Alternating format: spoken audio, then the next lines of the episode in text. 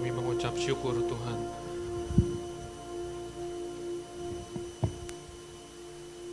Karena tanpa Engkau memilih dan memanggil kami, kami tidak akan pernah mampu mengikut Tuhan. Karena tidak ada sedikit usaha kami pun mampu membuat Engkau melihat, memilih, memanggil kami. Tapi semua itu karena kemurahan Tuhan. Karena belas kasihan Tuhan. Melihat orang berdosa seperti kami. Engkau melihat kami begitu lemah, begitu hancur, begitu rusak. Tapi dalam kasih yang besar, Engkau mencari dan menemukan kami. Kalau kami semua hari ini datang kepadamu Tuhan, itu semua karena Engkau telah menemukan kami. Dan oleh sebab itu Tuhan, kami mau mengosongkan hati kami. Untuk kami diisi oleh kebenaran. Supaya kebenaran itu memerdekakan kami. Kiranya Tuhan berbelas kasihan memberikan kami pengertian. Untuk kami mampu mengerti isi hatimu. Kiranya Roh Kudus memberikan kami pencerahan demi pencerahan. Supaya kami menemukan kekayaan kebenaran-Mu. Dan kiranya Tuhan memberikan kami kesanggupan untuk melakukannya. Di dalam nama Yesus. Kita yang siap mendengar firman, mari katakan. Amin. Silakan duduk.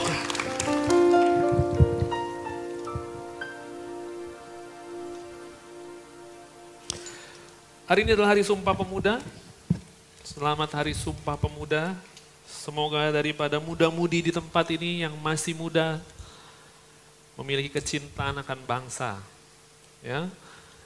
Mari kita perlu belajar semakin mengasihi bangsa, berkontribusi untuk bangsa. Ya, kalau belum bisa melakukan hal yang besar, mulai daripada pakai helm kalau misalnya naik motor, tidak memotong jalan, punya SIM dulu baru mengemudi, ya coba dilihat kiri kanannya yang mengemudi tanpa SIM, bilang kamu muda-mudi bangsa loh ya. Mulai dari hal-hal yang kecil, kita mencintai bangsa ini. Sampai suatu saat Tuhan memakai kita menjadi berkat bagi bangsa. Amin. Nah kita akan melanjutkan seri kita dalam perumpamaan. Hari ini judulnya adalah perumpamaan tentang orang-orang upahan di kebun anggur. Bilang kiri kanannya orang upahan di kebun anggur. Ya. Nah kisah ini sebetulnya adalah respon, adalah cerita dari pertanyaan Petrus kepada Tuhan Yesus. Jadi perumpamaan ini dijelaskan sewaktu Petrus bertanya sesuatu kepada Tuhan Yesus. Nah kita melihat terlebih dahulu dalam Matius 19 ayat 27. Ya, Matius 19 ayat 27. Lalu Petrus menjawab dan berkata kepada Yesus, kami ini telah meninggalkan segala sesuatu dan mengikut engkau. Jadi, apakah yang akan kami peroleh? Jadi, Petrus ini kan kalau kita tahu bahwa ketika Yesus memanggil murid-murid, Alkitab mengatakan bahwa murid-murid itu meninggalkan segala sesuatu, keluarganya ditinggal, ayah ibunya ditinggal, pekerjaannya ditinggal, semua ditinggal.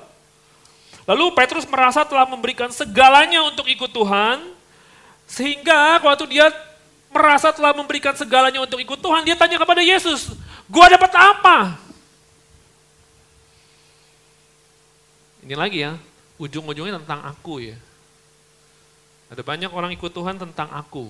Saya sudah ikut Tuhan, lalu saya ini dapat apa?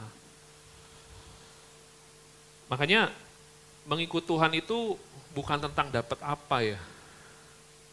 Hmm, kalau ada orang baik sama teman-teman, karena mau mendapatkan sesuatu dari teman-teman, apa yang teman-teman rasakan? Kalau orang baik sama kalian hanya untuk menerima manfaat daripada kalian, kalian tahu bahwa orang itu tidak tulus. Betul ya?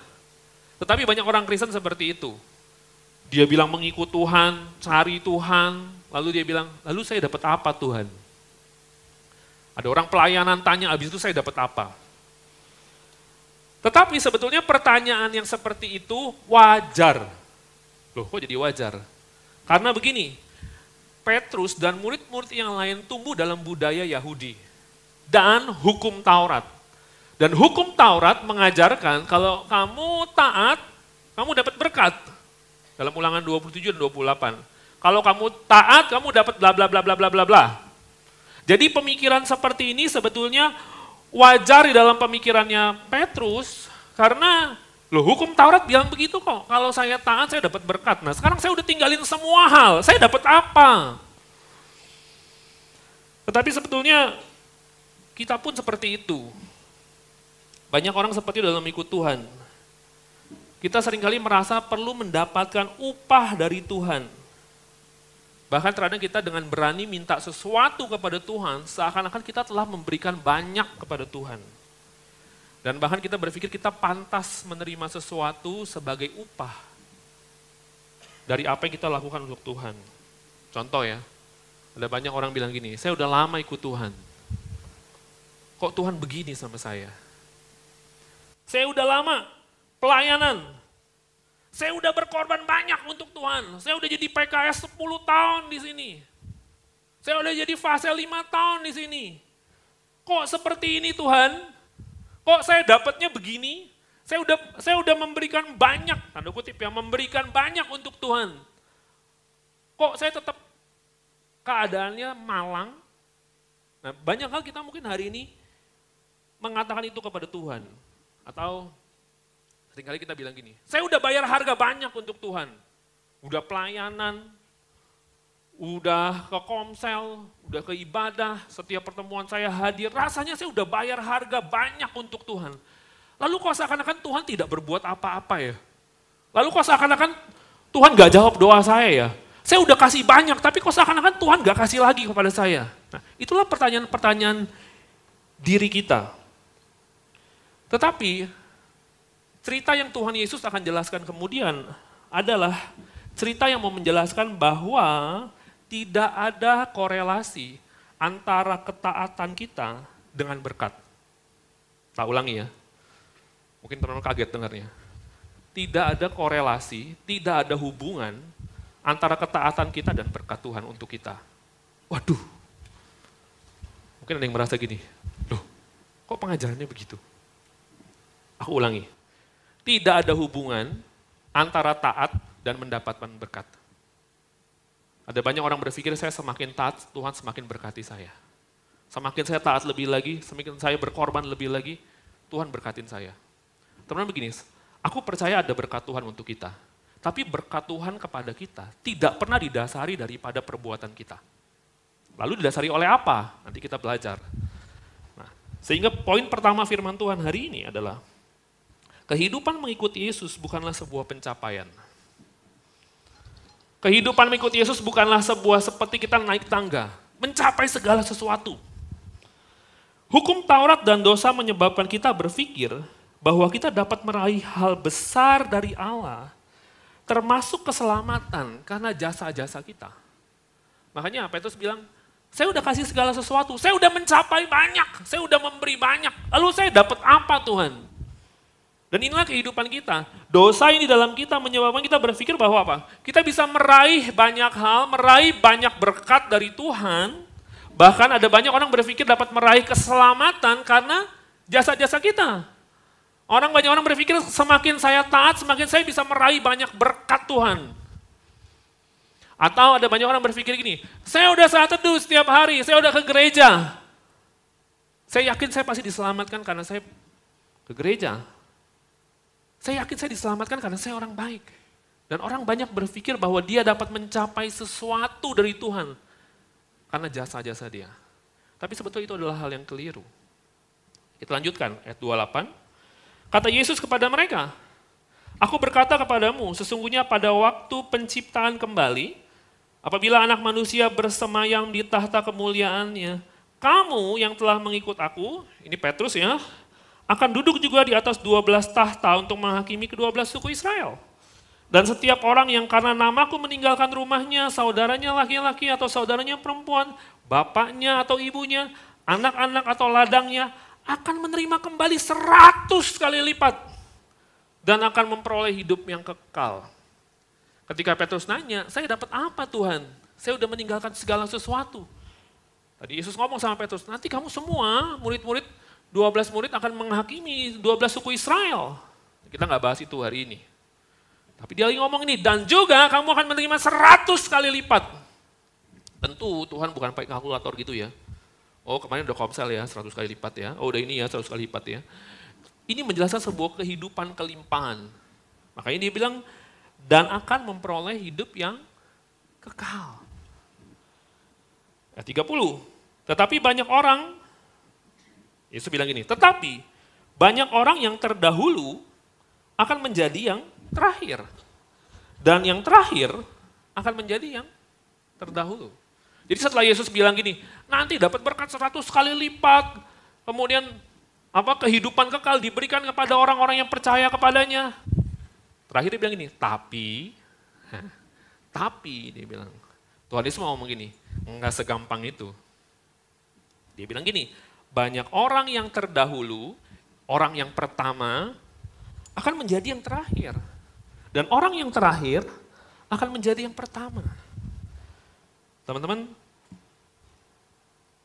pertanyaannya itu dari Petrus, saya dapat upah apa? Dikasih tahu sama Yesus jawabannya, kehidupan kekal, lalu dikasih tahu lagi, tapi kamu yang pertama jadi yang terakhir, yang terakhir jadi yang pertama. Dulu pemimpinku ada salah ngajar. Dia suka ngomong gini sama aku, Kevin, kamu mesti sungguh-sungguh ikut Tuhan. Jangan sampai ya, kamu nggak sungguh-sungguh ikut Tuhan. Kalau kamu nggak sungguh-sungguh ikut Tuhan, nanti kamu didahului sama anak-anak binaanmu. Kamu didahului lagi sama anak komselmu. Kamu dikejar. Tergenaplah firman, yang terdahulu menjadi yang terakhir. Yang terakhir jadi yang terdahulu. Lalu pemimpinku bilang gini, oleh sebab itu sungguh-sungguh ikut Tuhan. Kejar Tuhan lebih lagi, supaya kamu yang pertama tidak jadi yang terakhir. Kamu mengerti maksudnya? Dan itu salah. Yesus tidak ngomong hal seperti itu. Pemimpinku dulu ngajar kompetisi rohani. Jangan mau jadi yang terakhir. Jangan mau jadi yang terakhir. Mesti terus, supaya nggak ketinggalan. Tapi Yesus tidak ngajar seperti itu. Nah, setelah Yesus mengatakan hal ini, waktu Petrus nanya, apakah saya dapat upah apa? Baru dia menjelaskan tentang perumpamaan ini. Mari kita lihat. Matius 20, ayat yang pertama. Adapun hal kerajaan sorga, sama seperti seorang tuan rumah yang pagi-pagi benar keluar mencari pekerja-pekerja untuk apa? Kebun anggur. Nah, kamu mesti tahu dalam perumpamaan ini, Tuhan adalah pemilik kebun anggur. Orang-orang percaya adalah pekerja-pekerjanya. Dan kebun anggur adalah kerajaan surga. Ayat 2, ayat 2 setelah ia sepakat dengan pekerja-pekerja itu mengenai upah berapa? Sedinar sehari. Upah sedinar sehari adalah upah gaji prajurit Romawi dalam waktu satu hari. Dan itu angka yang besar. Dan juga upah satu dinar satu hari adalah aturan pada saat itu bekerja. Itu kontrak kerja. Jadi kalau orang kerja dari jam 9 pagi sampai jam 6 sore, mereka dapat satu dinar. Dan itu hanya diberikan kepada pekerja yang profesional. Jadi contoh, dia memang orang yang mau dibawa untuk kerja di kebun anggur. Berarti dia yang dicari adalah orang yang ahli dalam berkebun. Gitu ya. Dan waktu dia ketemu gini, eh kamu ahli berkebun? Iya saya ahli berkebun. Kamu kerja sama saya. Satu hari dari jam 9 sampai jam 6 sore. Dapat satu dinar. Deal? Deal, dia bilang. Oke. Okay? Dan inilah pekerjaan kontrak yang profesional. Teman mengerti sampai sini? Karena tentu teman-teman tidak mau mempekerjakan orang di kebun anggur, tapi dia tukang masak, nggak bisa bercocok tanam, betul nggak? Nggak mungkin. Orang yang dikontrak ini orang yang ahli dalam bidangnya. Dan inilah orang yang disebut orang yang terdahulu, yang pertama. Oke? Okay? Dan kemudian Yesus menyuruh mereka ke kebun anggurnya. Nah, tetapi setelah kesepakatan dengan orang pertama ini yang profesional ini bekerja terjadi, mari kita lihat ayat ketiga. Kira-kira pukul 9 pagi, ia keluar pula dan dilihatnya ada lagi orang-orang lain apa? nganggur di pasar. Katanya kepada mereka, pergi jugalah kamu ke kebun anggurku, dan apa yang pantas akan kuberikan kepadamu. Dan mereka pun pergi. Ingat, yang kedua ini orang yang lagi nganggur di pasar. Teman suka lihat ada orang-orang nganggur di pasar, kerjanya main kartu, kongko-kongko, ketawa-ketawa, kalau ada cewek lewat gini, wiwit. Nah mungkin orang kayak begitu. Lalu orang ini bilang gini, eh nganggur ya? Kamu ikut saya ya ke kebun anggur ya, kamu kerja. Dan saya akan bayar kamu apa yang pantas kuberikan kepadamu. Menurut teman-teman, harusnya dia dibayarnya lebih besar atau lebih kecil? Harusnya lebih kecil toh. Orang yang nganggur, oke? Okay? Dan yang pantas diberikan kepada dia, yang pantas, selayaknya. Orang yang nggak bisa apa-apa pengangguran.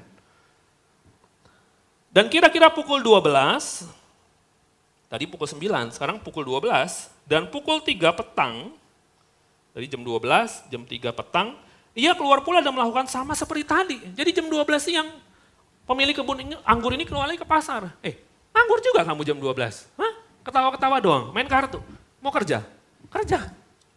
Kemudian Yesus, orang ini keluar lagi, sampai jam 3. Udah jam 3 sore. Eh, anggur juga ya?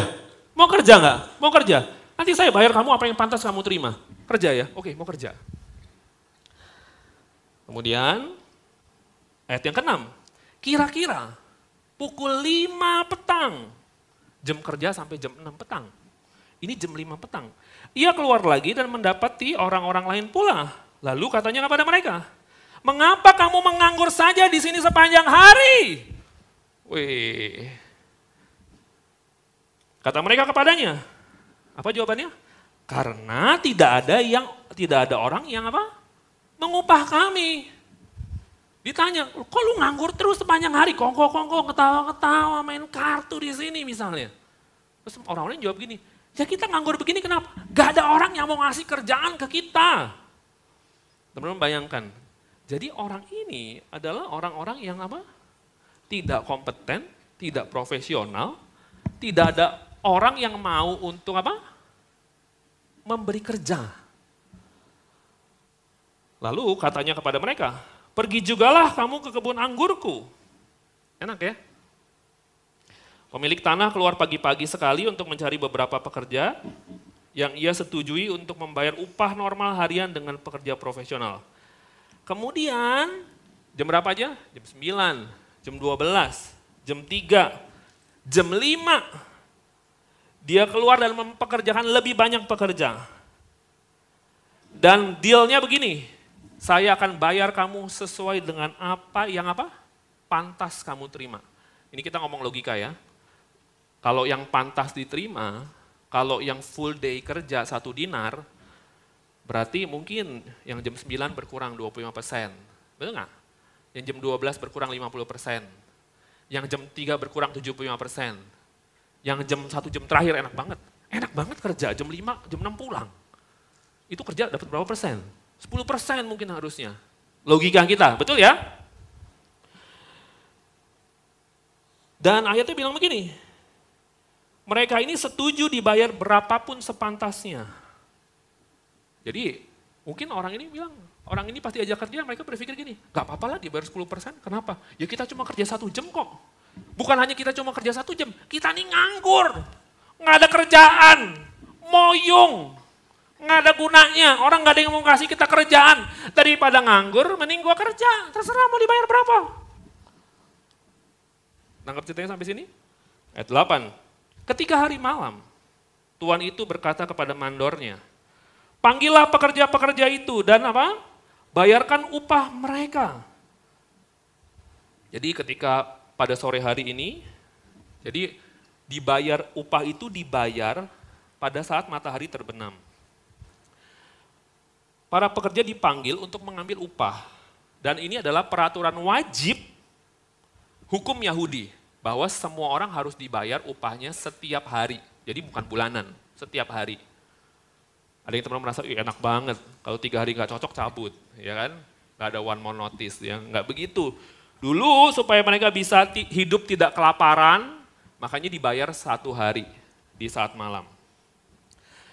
Dan ayat 9, Kalau kita lihat begini, maka datanglah mereka yang mulai bekerja kira-kira pukul 5 dan mereka menerima masing-masing berapa? Satu dinar. Ketika dikumpulin sama mandornya mau dibayar upahnya, yang terima upah duluan bukan yang pertama, tetapi yang terakhir, yang masuk jam 5. Terima duluan upahnya, enak banget. Yang datang pagi-pagi, paling terakhir, yang datang paling terakhir, terima upah duluan. Dan pas dibuka amplopnya, satu dinar. Tentu orang-orang ini kaget. Cuma kerja satu jam, cuma kerja tiga jam, cuma kerja enam jam, tujuh jam, dibayarnya satu dinar. Ayat 10, kemudian datanglah mereka yang masuk terdahulu. Sangkanya akan apa? mendapat lebih banyak. Iya dong, orang gue kerja pagi, orang gue yang paling profesional, orang gue di booking paling pertama, ya pasti gue lebih dapat lebih banyak. Daripada yang kerja masuk jam 5, jam 3, jam 12, jam 9, betul nggak? Tetapi mereka pun menerima masing-masing apa? Satu dinar.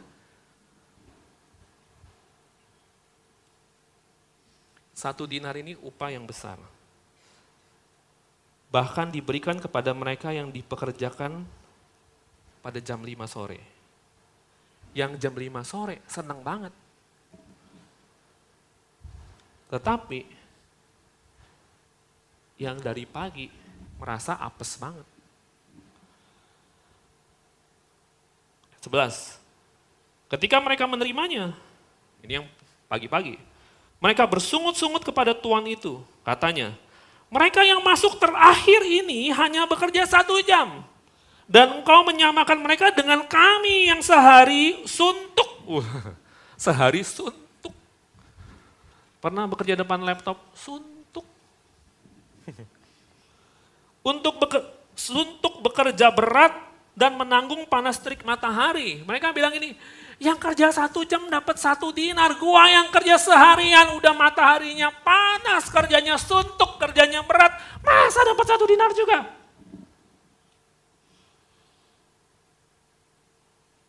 Ayat 13. Tetapi Tuhan itu menjawab seorang dari mereka, Saudara, aku tidak berlaku tidak adil terhadap engkau.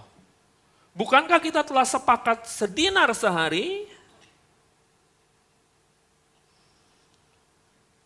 Orang-orang yang kerja dari pagi protes. Dan pemilik kebun anggur bilang, pemilik kebun anggur ini bilang begini, saya tuh nggak melakukan salah sama kamu. Bukannya kita telah sepakat dari awal memang satu dinar. Lalu pemilik kebun anggur ini bilang gini, kenapa lu marah? Kenapa lu marah sama gua? Kalau memang gua berbaik hati mau memberikan kepada yang kerja satu jam satu dinar, kenapa anda marah? Ayat 14. Ambillah bagianmu dan pergilah. Aku mau memberikan kepada terakhir ini sama seperti kamu. Wah. Tidakkah aku bebas mempergunakan milikku menurut kehendak hatiku?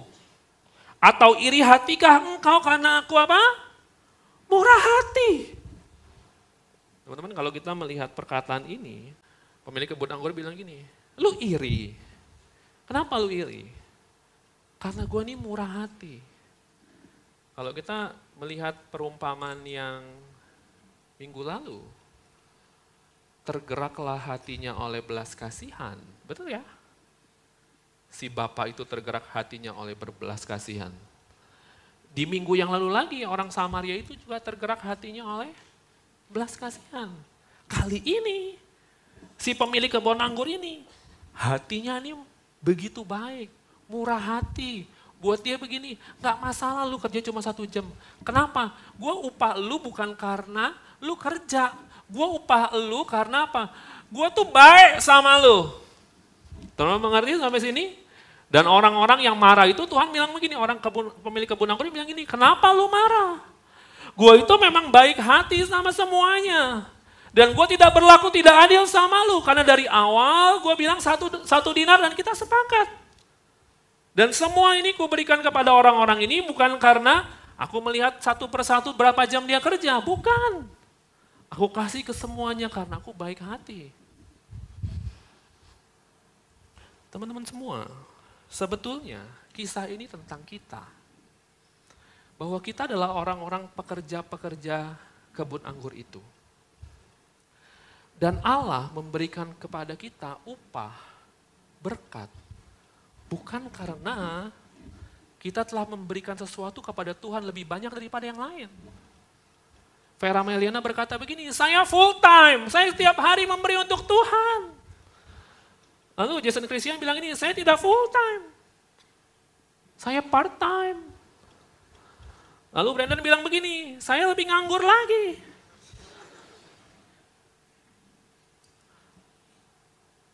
Tetapi Allah memberikan kepada semuanya sama. Kenapa? Karena berkat Allah kepada kehidupan kita tidak dipengaruhi oleh apa?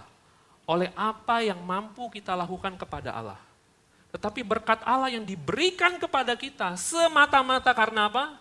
Dia baik kepada kita. Jadi kalau teman berpikir bahwa kita diberkati karena kita telah memberi banyak untuk Tuhan, itu hal yang sangat salah. Kenapa? Karena Tuhan memberkati kita bukan karena siapa kita dan apa yang telah kita lakukan. Tetapi dia memberkati kita karena siapa dirinya, yaitu dia pribadi yang murah hati. Dan itu terjadi juga dalam keselamatan kita. Allah menyelamatkan kita. Allah memberikan Yesus mati bagi kita di kayu salib. Bukan karena usaha kita. Bukan karena engkau rajin ke gereja. Bukan karena engkau rajin pelayanan. Dalam keselamatan kita tidak ada usaha kita satu persen pun. Uang kita kerja juga cuma satu jam hal baik apa yang kita kerjakan untuk Allah, sampai Allah bisa memberkati kita banyak. Coba. Kalau teman-teman lihat hidupmu nih dalam sehari, hal baik apa yang kau kasih buat Tuhan, coba pikir ya, hal baik apa dalam sehari yang kau kasih buat Tuhan, yang membuat Tuhan, yang membuat Tuhan pantas memberikan berkat untuk kita. Kalau teman-teman cek, jawabannya nggak ada. Betul nggak? Sehari-hari kita nih kerjaannya bersungut-sungut. Sehari-hari ini kita mengeluh di kantor. Kenapa bos kerjaannya banyak begini? Ini namanya abuse dari bos. Resign apa? Saya nggak nggak mau pekerjaan yang seperti ini. Ini bukan passion. Lalu kita berpikir Allah akan memberkati kita dengan cara kita seperti itu. Mungkin yang sekolah, yang kuliah, Kenapa saya sekolah di tunas bangsa seperti ini? Apakah Allah, apakah kalau kita nih, kalau kita main hitung-hitungan ya, coba ya main hitung-hitungan ya sama Tuhan ya. Jujur ya, ada nggak alasan Tuhan memberkati kita? Kalau kita, kalau Tuhan memberkati kita berdasarkan perbuatan kita, jawabannya nggak ada, nggak ada. Tapi semua itu dilakukan Allah semata-mata karena kebaikan hati Allah. Bahkan keselamatan kita diberikan bukan karena siapa kita dan apa yang mampu kita capai. Keselamatan kita diberikan oleh Tuhan kepada kita karena siapa dirinya. Dia adalah pribadi yang murah hati. Dan di dalam perumpamaan ini, Yesus menunjukkan bahwa keselamatan kita tidak diperoleh dengan susah payah. Engkau selamat bukan karena engkau susah payah ikut Tuhan, bukan. Engkau selamat bukan karena engkau rajin ke gereja. Engkau selamat bukan karena engkau rajin pelayanan. Tetapi kita selamat. Kita menerima kemurahan hati Allah yang besar. Itu jauh melampaui cara pikir kita tentang apa yang adil. Ulangi ya. Cara Allah memberkati kita dan cara Allah memberikan kita keselamatan jauh melampaui cara pikir kita apa yang kita anggap adil. dan bahwa kemurahan Tuhan yang penuh kasih menerima dan menyelamatkan orang yang hina dan berdosa seperti kita, yang sama sekali tidak layak untuk diselamatkan. Dan bukan hanya itu, sebetulnya perumpamaan ini ditujukan untuk siapa waktu Yesus ngomong perumpamaan ini? Sebetulnya perumpamaan ini diberikan untuk ahli Taurat dan orang Farisi yang sedang mendengar perkataan Yesus. Orang yang bilang begini, saya kerja dari pagi sampai petang. Saya kerja di bawah terik matahari. Saya kerja keras. Saya udah all out. Itulah gambaran ahli Taurat dan orang Farisi. Tetapi yang bekerja jam 5 yang nggak ngapa-ngapain, yang nggak ada gunanya. Orang itu yang moyung, yang cuma main di pasar, yang tidak ada orang mau kasih kerjaan buat dia, yang tidak laku di pasaran, tidak laku di marketplace, tidak laku di mana-mana orang melihatnya juga nggak ada yang mau kasih kerja. Itulah gambaran pendosa-pendosa seperti kita. Tetapi di dalam kemurahan hati Allah, justru Allah memberkati Allah menyelamatkan orang-orang seperti kita. Yang sudah cuman kerja satu jam, suka tetap mengeluh, sudah kerja satu jam, tetap gak tahu bersyukur, sudah gak punya kompetensi tapi tetap diselamatkan, itu semua dilakukan oleh Allah karena kebaikan hati Allah kepada kita. Dan mereka yang datang kepada Tuhan, orang-orang berdosa ini, Tuhan melihat kita tanpa memandang siapa diri kita. Kita diselamatkan Tuhan gak pandang masa lalu kita. Kita diselamatkan Tuhan tidak pandang dosa kita. Kita diselamatkan Tuhan gak pandang usia kita. Kita diselamatkan Tuhan gak pandang kita kaya atau enggak, pinter atau enggak. Kita diselamatkan bukan karena apa pun yang mampu kita lakukan. Kita diselamatkan karena kebaikan hati Allah. Dan seharusnya kalau kita tahu hal ini, kita bersuka cita karena kita orang yang cuma kerja satu jam. Yang nganggur, yang gak ada gunanya. Tapi kita diselamatkan oleh Tuhan. Dan seharusnya sukacita kita besar. Makanya dalam kekristenan tidak ada hal yang bisa kita banggakan. Kita selamat bukan karena usaha kita. Tak kasih tahu, kita selamat bukan seperti ini. Tuhan tawarin kita keselamatan, lalu kita ambil. Keselamatan itu bukan 50%, 50%. Tuhan sungguh-sungguh selamatkan kita 100%. Dia pungut kita daripada dosa. Sepenuhnya usaha Allah. Tidak ada satu persen pun usaha kita. Dan seharusnya kita bersuka cita. Karena orang-orang buangan seperti kita. Orang-orang yang tidak dipandang seperti kita. Orang-orang yang berdosa seperti kita. Orang-orang yang sama sekali nggak ada masa depan. Pengangguran-pengangguran itu nggak ada masa depannya. Gak layak dikasih kerja. Dibayar berapapun dia mau karena dia bilang gini, gak ada yang mau ngasih kita kerja. Itulah orang berdosa seperti kita. Orang berdosa tidak ada gunanya di dalam kerajaan Allah. Tetapi Allah itu begitu baik. Dia lihat kita, kok nganggur, kok dibuang, kok nggak ada harapan, kok nggak ada gunanya. Lalu Tuhan panggil kita, kamu deh ikut aku deh. Ikut aku deh. Masuk deh dalam kerajaanku. Dan sebetulnya karena hal ini kita harus semakin bersyukur kepada Tuhan. Teman-teman kalau hari ini bahkan kita bisa pelayanan. Kalau hari ini kita bisa pelayanan, bukan karena kita itu bisa. Bukan karena Tuhan itu butuh kita. Mungkin kau hari ini PKS. Ingat, ada banyak orang bilang begini, pelayanan. Saya udah kasih banyak untuk Tuhan. Ingat, Tuhan tidak pernah membutuhkan kita. Ada banyak orang bilang gini, saya udah pelayanan kayak begini kok segala apa segala macam jungkir balik saya udah berkorban banyak. Eh, tidak ada pengorbanan dalam pelayanan. Kalau kita bisa pelayanan, bukan karena engkau berkorban. Kalau kita bisa pelayanan, karena Tuhan lihat engkau, dia kasihan sama engkau. Karena apa? Engkau orang tidak berguna. Dan Tuhan waktu lihat kita, dia kasihan sama kita, dia bilang gini, ayo pelayanan. Pelayananlah. Dan teman-teman tahu, tidak ada kata pengorbanan dalam pelayanan. Ada banyak orang bilang, saya udah berkorban banyak di pelayanan. Tidak ada. Pelayanan bukanlah pengorbanan. Pelayanan adalah kehormatan. Kalau engkau bisa pelayanan, karena Tuhan bilang gini, nganggur ya, nggak ada gunanya ya. Yuk pelayanan, Bukan karena engkau bisa khotbah. Bukan karena engkau punya skill nyanyi, main musik. Bukan. Tuhan tidak pernah membutuhkan kita dalam pelayanan. Tapi kalau hari ini kita bisa pelayan, itu kehormatan. Karena dia mau melibatkan orang seperti kita di dalam kerajaannya. Sehingga siapa pun hari ini, kita yang sedang melayani Tuhan, jangan pernah katakan lagi, saya berkorban banyak untuk Tuhan. Enggak ada.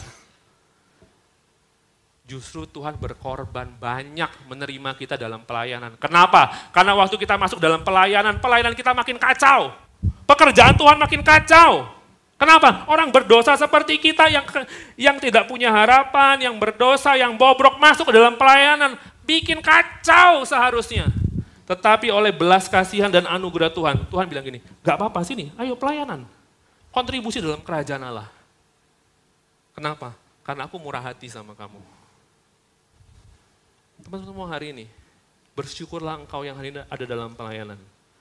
Dan hapus kata engkau berkorban dan memberi banyak untuk Tuhan. Karena sesungguhnya Tuhan tidak pernah membutuhkan kita dalam pelayanan. Kalau kita bisa pelayanan hari ini, bilang terima kasih Tuhan. Engkau melibatkan orang seperti saya dalam pekerjaan.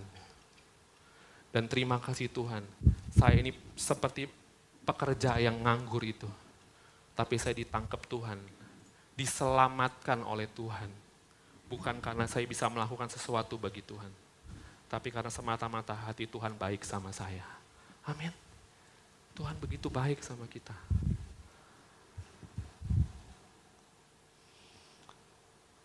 Matius 20 ayat 16.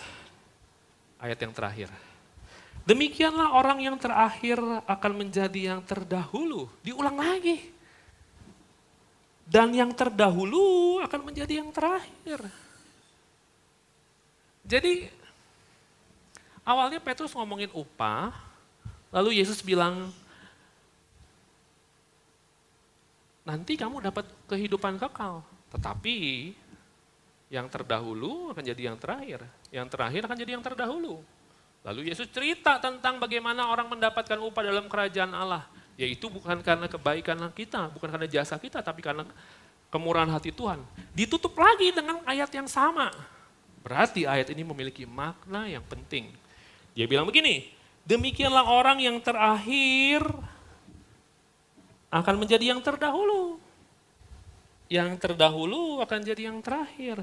Pertanyaannya, siapakah yang pertama dan siapakah yang terkemudian?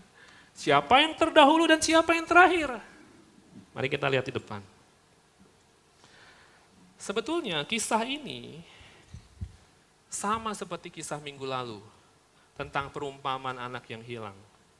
Dalam kisah perumpamaan kebun anggur ini, pekerja pertama yang terdahulu itu mereka yang bekerja di awal, kerjanya penuh. Dan yang terakhir adalah orang yang kerja pukul 5 sore. Sebetulnya perumpamaan ini sama seperti perumpamaan anak yang hilang. Bahwa yang pertama dalam perumpamaan anak yang hilang, itu yang sulung anak pertama. Dan anak yang terakhir adalah anak yang bungsu. Dan anak yang sulung, anak yang pertama ini, dan pekerja kebun anggur yang pertama ini, itulah ahli Taurat. Orang yang bilang ini, saya udah beri banyak, saya udah kerja keras untuk Tuhan. Dialah anak sulung yang bilang gini, bertahun-tahun aku pelayanan, aku melayani Bapak, tidak pernah aku melanggar sedikit pun perintah Bapak, sempurna aku taat. Itu ahli Taurat. Adalah orang yang tidak merasa berdosa, yang mampu mencapai sesuatu dari Allah dengan usahanya sendiri. Itu yang pertama, itu yang terdahulu. Yang terakhir itu orang yang kerja cuma satu jam tapi dapat upahnya penuh. Orang yang adalah anak bungsu itu anak yang terakhir. Siapa dia? Dia pemungut cukai. Orang-orang berdosa. Mungkin itu kita semua. Orang-orang yang nganggur. Orang-orang yang hancur karena dosa. Yang terikat dosa. Orang-orang yang terhilang seperti pemungut cukai orang-orang berdosa itu. Itu adalah orang-orang yang berdosa dan sama sekali tidak layak untuk diselamatkan. Sama seperti orang yang kerja cuma satu jam, sama sekali nggak layak dikasih kerjaan. Dan orang yang terdahulu, si anak sulung itu, dalam kisah anak yang hilang, dan pemilik kebun, kisah penggarap kebun anggur itu, kondisi akhirnya dia menjadi yang terakhir. Dan orang yang terakhir itu yang masuk cuma kerja satu jam, anak yang bungsu itu, orang berdosa itu, menjadi yang terdahulu.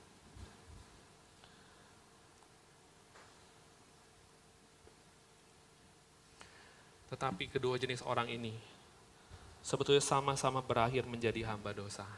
Betul? Tapi kita bersyukur. Galatia 4 ayat 4 sampai 7 mengatakan seperti ini. Iya, Kristus diutus untuk menebus mereka yang takluk kepada hukum Taurat. Kenapa ngomongin hukum Taurat? Karena di awal ngomongin hukum Taurat. Kenapa Petrus bisa bilang gini, kasih saya upah, upah saya apa, saya ikut engkau. Kenapa Petrus bisa ngomong kayak gitu? Karena hukum Taurat. Hukum Taurat mengajarkan taat lebih banyak, dapat berkat lebih banyak. Tetapi Yesus datang, dia bilang begini, ia diutus untuk menembus mereka yang takluk kepada hukum Taurat, supaya kita diterima menjadi anak. Dan karena kamu adalah anak, maka Allah telah menyuruh roh anaknya dalam hati kita yang berseru, Ya Aba, Ya Bapa. Jadi, kamu bukan lagi hamba, melainkan anak. Jikalau kamu anak, maka kamu juga adalah ahli-ahli waris oleh Allah. Poin terakhir firman hari ini. Kehidupan mengikut Yesus adalah sebuah pemberian. Apa yang diberikan Tuhan? Anugerah dan kasih Allah mengubahkan kita dari hamba dosa menjadi anak-anak yang mengasihi dan taat kepada Bapa. Waktu Yesus jawab sama Petrus gini, waktu Petrus tanya gini, Tuhan upah apa yang saya terima? Apa yang Yesus jawab? Yesus nggak jawab upahnya itu apa. Yesus jawab upahnya itu siapa. Siapakah upahnya itu? Dirinya sendiri dia berikan untuk kita. Orang yang mentalitasnya itu hamba, tahu mentalitas hamba. Kerja dapat apa? Kerja dapat apa? Saya pelayanan dapat apa Tuhan? Saya taat dapat apa Tuhan? Itu orang-orang yang mentalitasnya hamba, budak. Tanya sama Tuhan, saya dapat apa? Tuhan bilang gini, kamu nggak dapat apa-apa, tapi kamu mendapatkan sesuatu yang paling berharga, yaitu diri Yesus sendiri. Alkitab mengatakan Yesus menebus kita, hamba-hamba dosa ini. Bukan dengan dia memberikan kita upah, tapi dia memberikan kita dirinya sendiri. Waktu dia berikan kita dirinya sendiri, dia ubah status kita dari hamba jadi anak. Kenapa kita perlu diubah statusnya dari hamba jadi anak? Karena anak apa?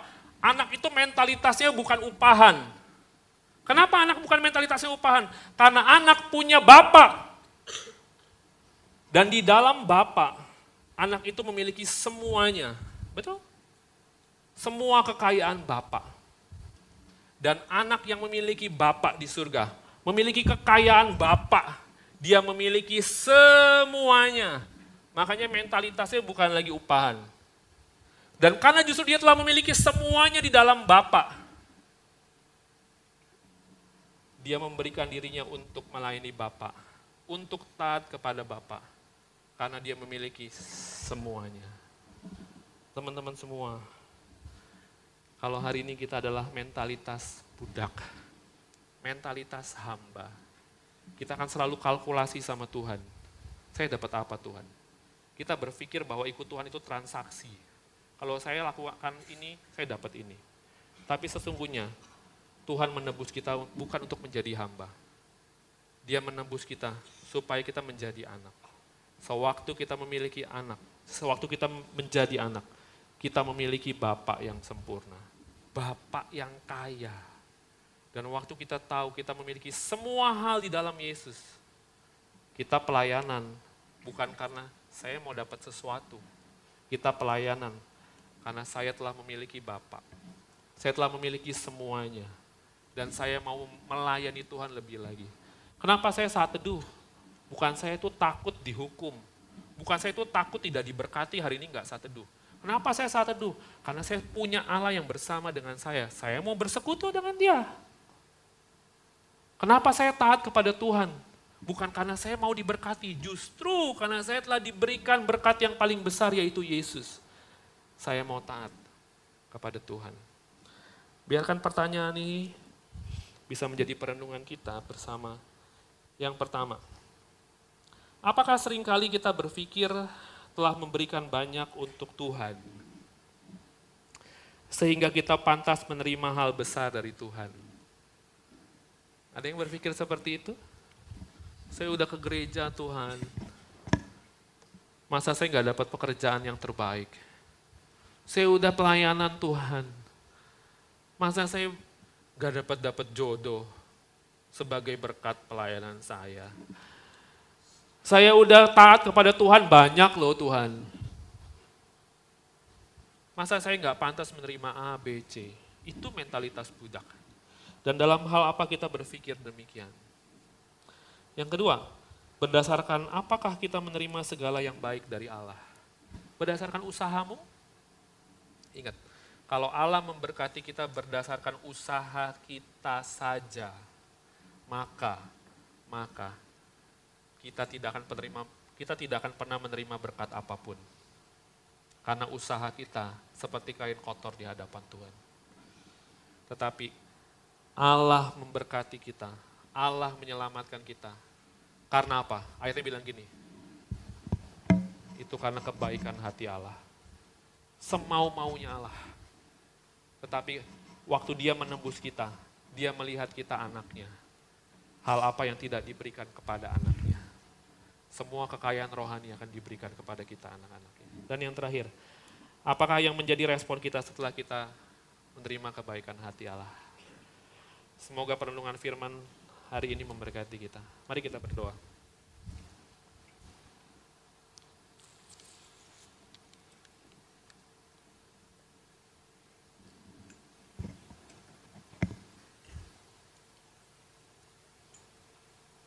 Terima kasih untuk roti kehidupan yang kau berikan kepada kami Tuhan. Terima kasih untuk air hidup yang kau beri untuk kami. Kebenaran firman-Mu hari ini Tuhan, menyadarkan kami akan siapa diri kami. Kami adalah orang-orang yang sama seperti orang yang kerja hanya satu jam. Orang yang tidak pantas, orang yang tidak layak, orang yang tidak ada gunanya, orang yang tidak dipandang, orang yang hancur, orang yang berdosa. Itulah keadaan kami Tuhan. Tapi sewaktu Engkau melihat kami, seperti engkau melihat orang yang menganggur itu, tergeraklah hatimu oleh belas kasihan. Kau penuh belas kasihan melihat keberadaan kami yang berdosa. Dan kau bermurah hati menyelamatkan kami. Terima kasih Tuhan. Terima kasih. Biarkan di waktu yang sebentar, teman-teman katakan terima kasih. Karena kita adalah orang yang tidak berguna, orang-orang berdosa, orang-orang yang tidak bisa memberikan kontribusi apa pun dalam keselamatan kita. Satu-satunya kontribusi kita kepada keselamatan kita adalah dosa kita. Tetapi Allah bermurah hati untuk memilih kita, menghampiri kita, menyelamatkan kita. Bahkan kita adalah sama seperti pekerja-pekerja kebun anggur itu yang tidak layak untuk bekerja, tidak layak untuk pelayanan. Kalau hari ini kau adalah pemurid-pemurid, pemimpin sel, kau tim pelayanan di ibadah, di mana pun kau melayani hari ini, ingatkan dirimu, engkau pelayanan bukan karena engkau mampu, bukan karena engkau sanggup, bukan karena engkau layak, Sesungguhnya kita adalah orang-orang yang tidak berguna dalam kerajaan Allah. Tetapi dalam kemurahannya, Allah melibatkan kita dalam pelayanan. Allah melibatkan kita dalam kerajaan Allah. Tidak ada kata pengorbanan dalam pelayanan. Di dalam pelayanan hanya satu, kehormatan. Karena kita orang-orang yang tidak pantas melayani, tapi dirangkul oleh Allah. Mari kita renungkan kebenaran ini. Sehingga menambah ucapan syukur kepada Tuhan. Terima kasih engkau menyelamatkan kami.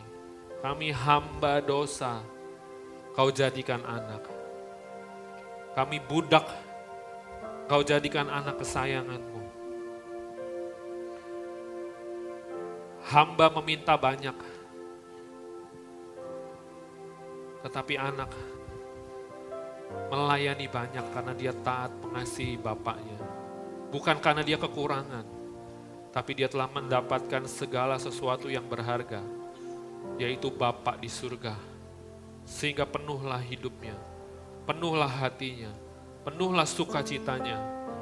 Dan karena hati yang seperti itu, dia melayani, mengasihi Tuhan, taat kepada Tuhan. Bapak di surga, terima kasih, terima kasih. Terima kasih. Terima kasih. Terima kasih, terima kasih. Terima kasih. Terima kasih, terima kasih, terima kasih. Beribu-ribu terima kasih tidak sanggup menggambarkan betapa besarnya kebaikan hatimu kepada kami. Terima kasih, terima kasih, terima kasih, terima kasih, terima kasih. Terima kasih, terima kasih, terima kasih Tuhan, terima kasih. Kami boleh pelayanan hari ini, terima kasih. Kami jadi PKS hari ini, terima kasih. Kami jadi tim penyembahan, tim profetik, pemain musik di gereja, terima kasih. Kami jadi asyir, jadi welcomer, jadi tim multimedia, apa pun yang kami kontribusi hari ini, terima kasih. Kami dilayakan untuk melakukan itu. Terima kasih, terima kasih, terima kasih kami diselamatkan bukan karena usaha kami. Terima kasih Tuhan, terima kasih kami orang-orang yang nganggur itu Tuhan. Orang-orang yang gak pantas terima keselamatan. Orang-orang yang gak pantas terima karya penebusanmu. Terima kasih, terima kasih, terima kasih. Hati kami melimpah dan ucapan syukur. Terima kasih, terima kasih, terima kasih Tuhan. Kapan terakhir kali kau bilang terima kasih? Kapan kau bilang terima kasih Tuhan, kau selamatkan saya. Saat ini serahkan hatimu kepada Tuhan, sadari siapa engkau. Dan biarkan daripada itu engkau keluar kata terima kasih. Terima kasih Tuhan, terima kasih. Ampuni kami Tuhan, kata-kata ini jarang keluar daripada hati kami. Kami terlalu sombong, kami pikir kami bisa pelayanan. Kami pikir kami bisa melayani seakan-akan Tuhan butuh kami. Ampuni kami Tuhan. Ampuni kami, kami hidup sembarangan Tuhan. Ampuni kami Tuhan, kami jatuh bangun terus dalam dosa. Ampuni kami, kami main-main sama dosa. Hari ini kami sadar siapa kami, kami dipungut dari got. Kami dipungut di pasar, di saat gak ada harapan. Terima kasih Tuhan. Terima kasih.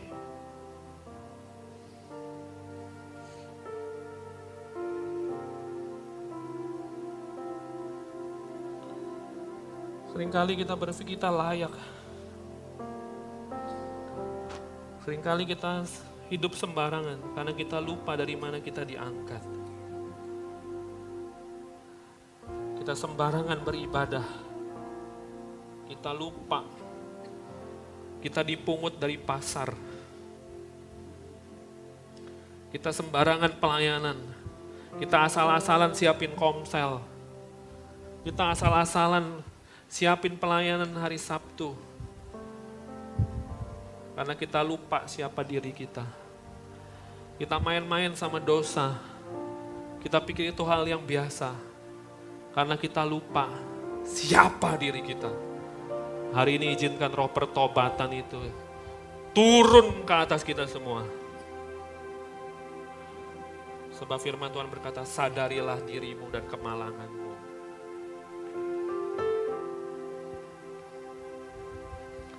Biarkan roh pertobatan itu turun.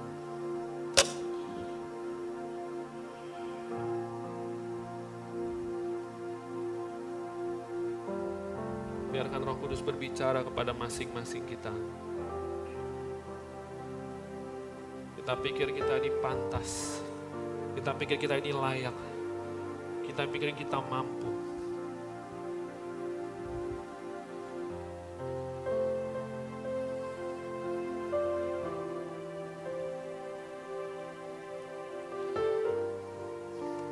kita berteduh sebentar. Izinkan Roh Kudus operasi hati kita.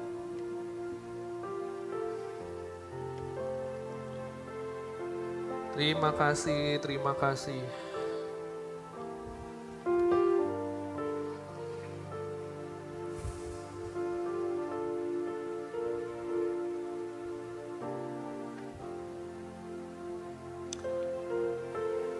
Semua tentang Kau.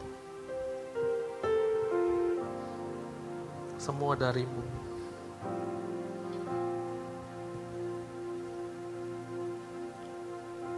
I'm coming back to the heart of worship when it's all about you. It's all about you, Jesus. I'm sorry, Lord. Ampuni kami, Tuhan.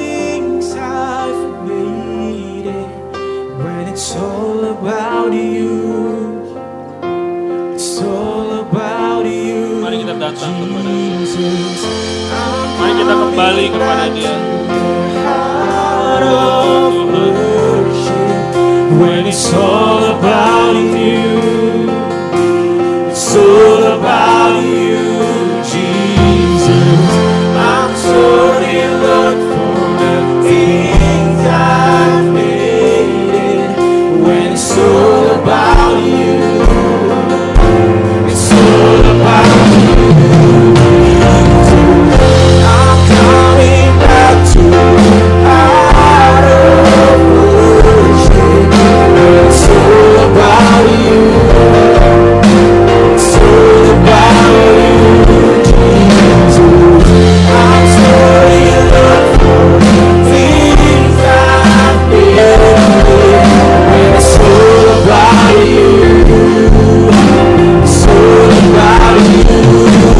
Jesus.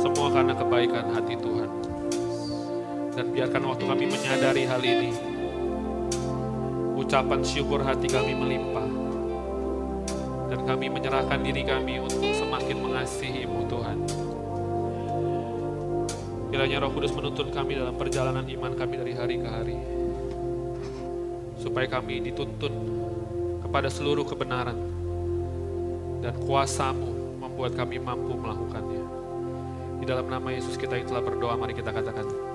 Amin. Tuhan memberkati kita semua.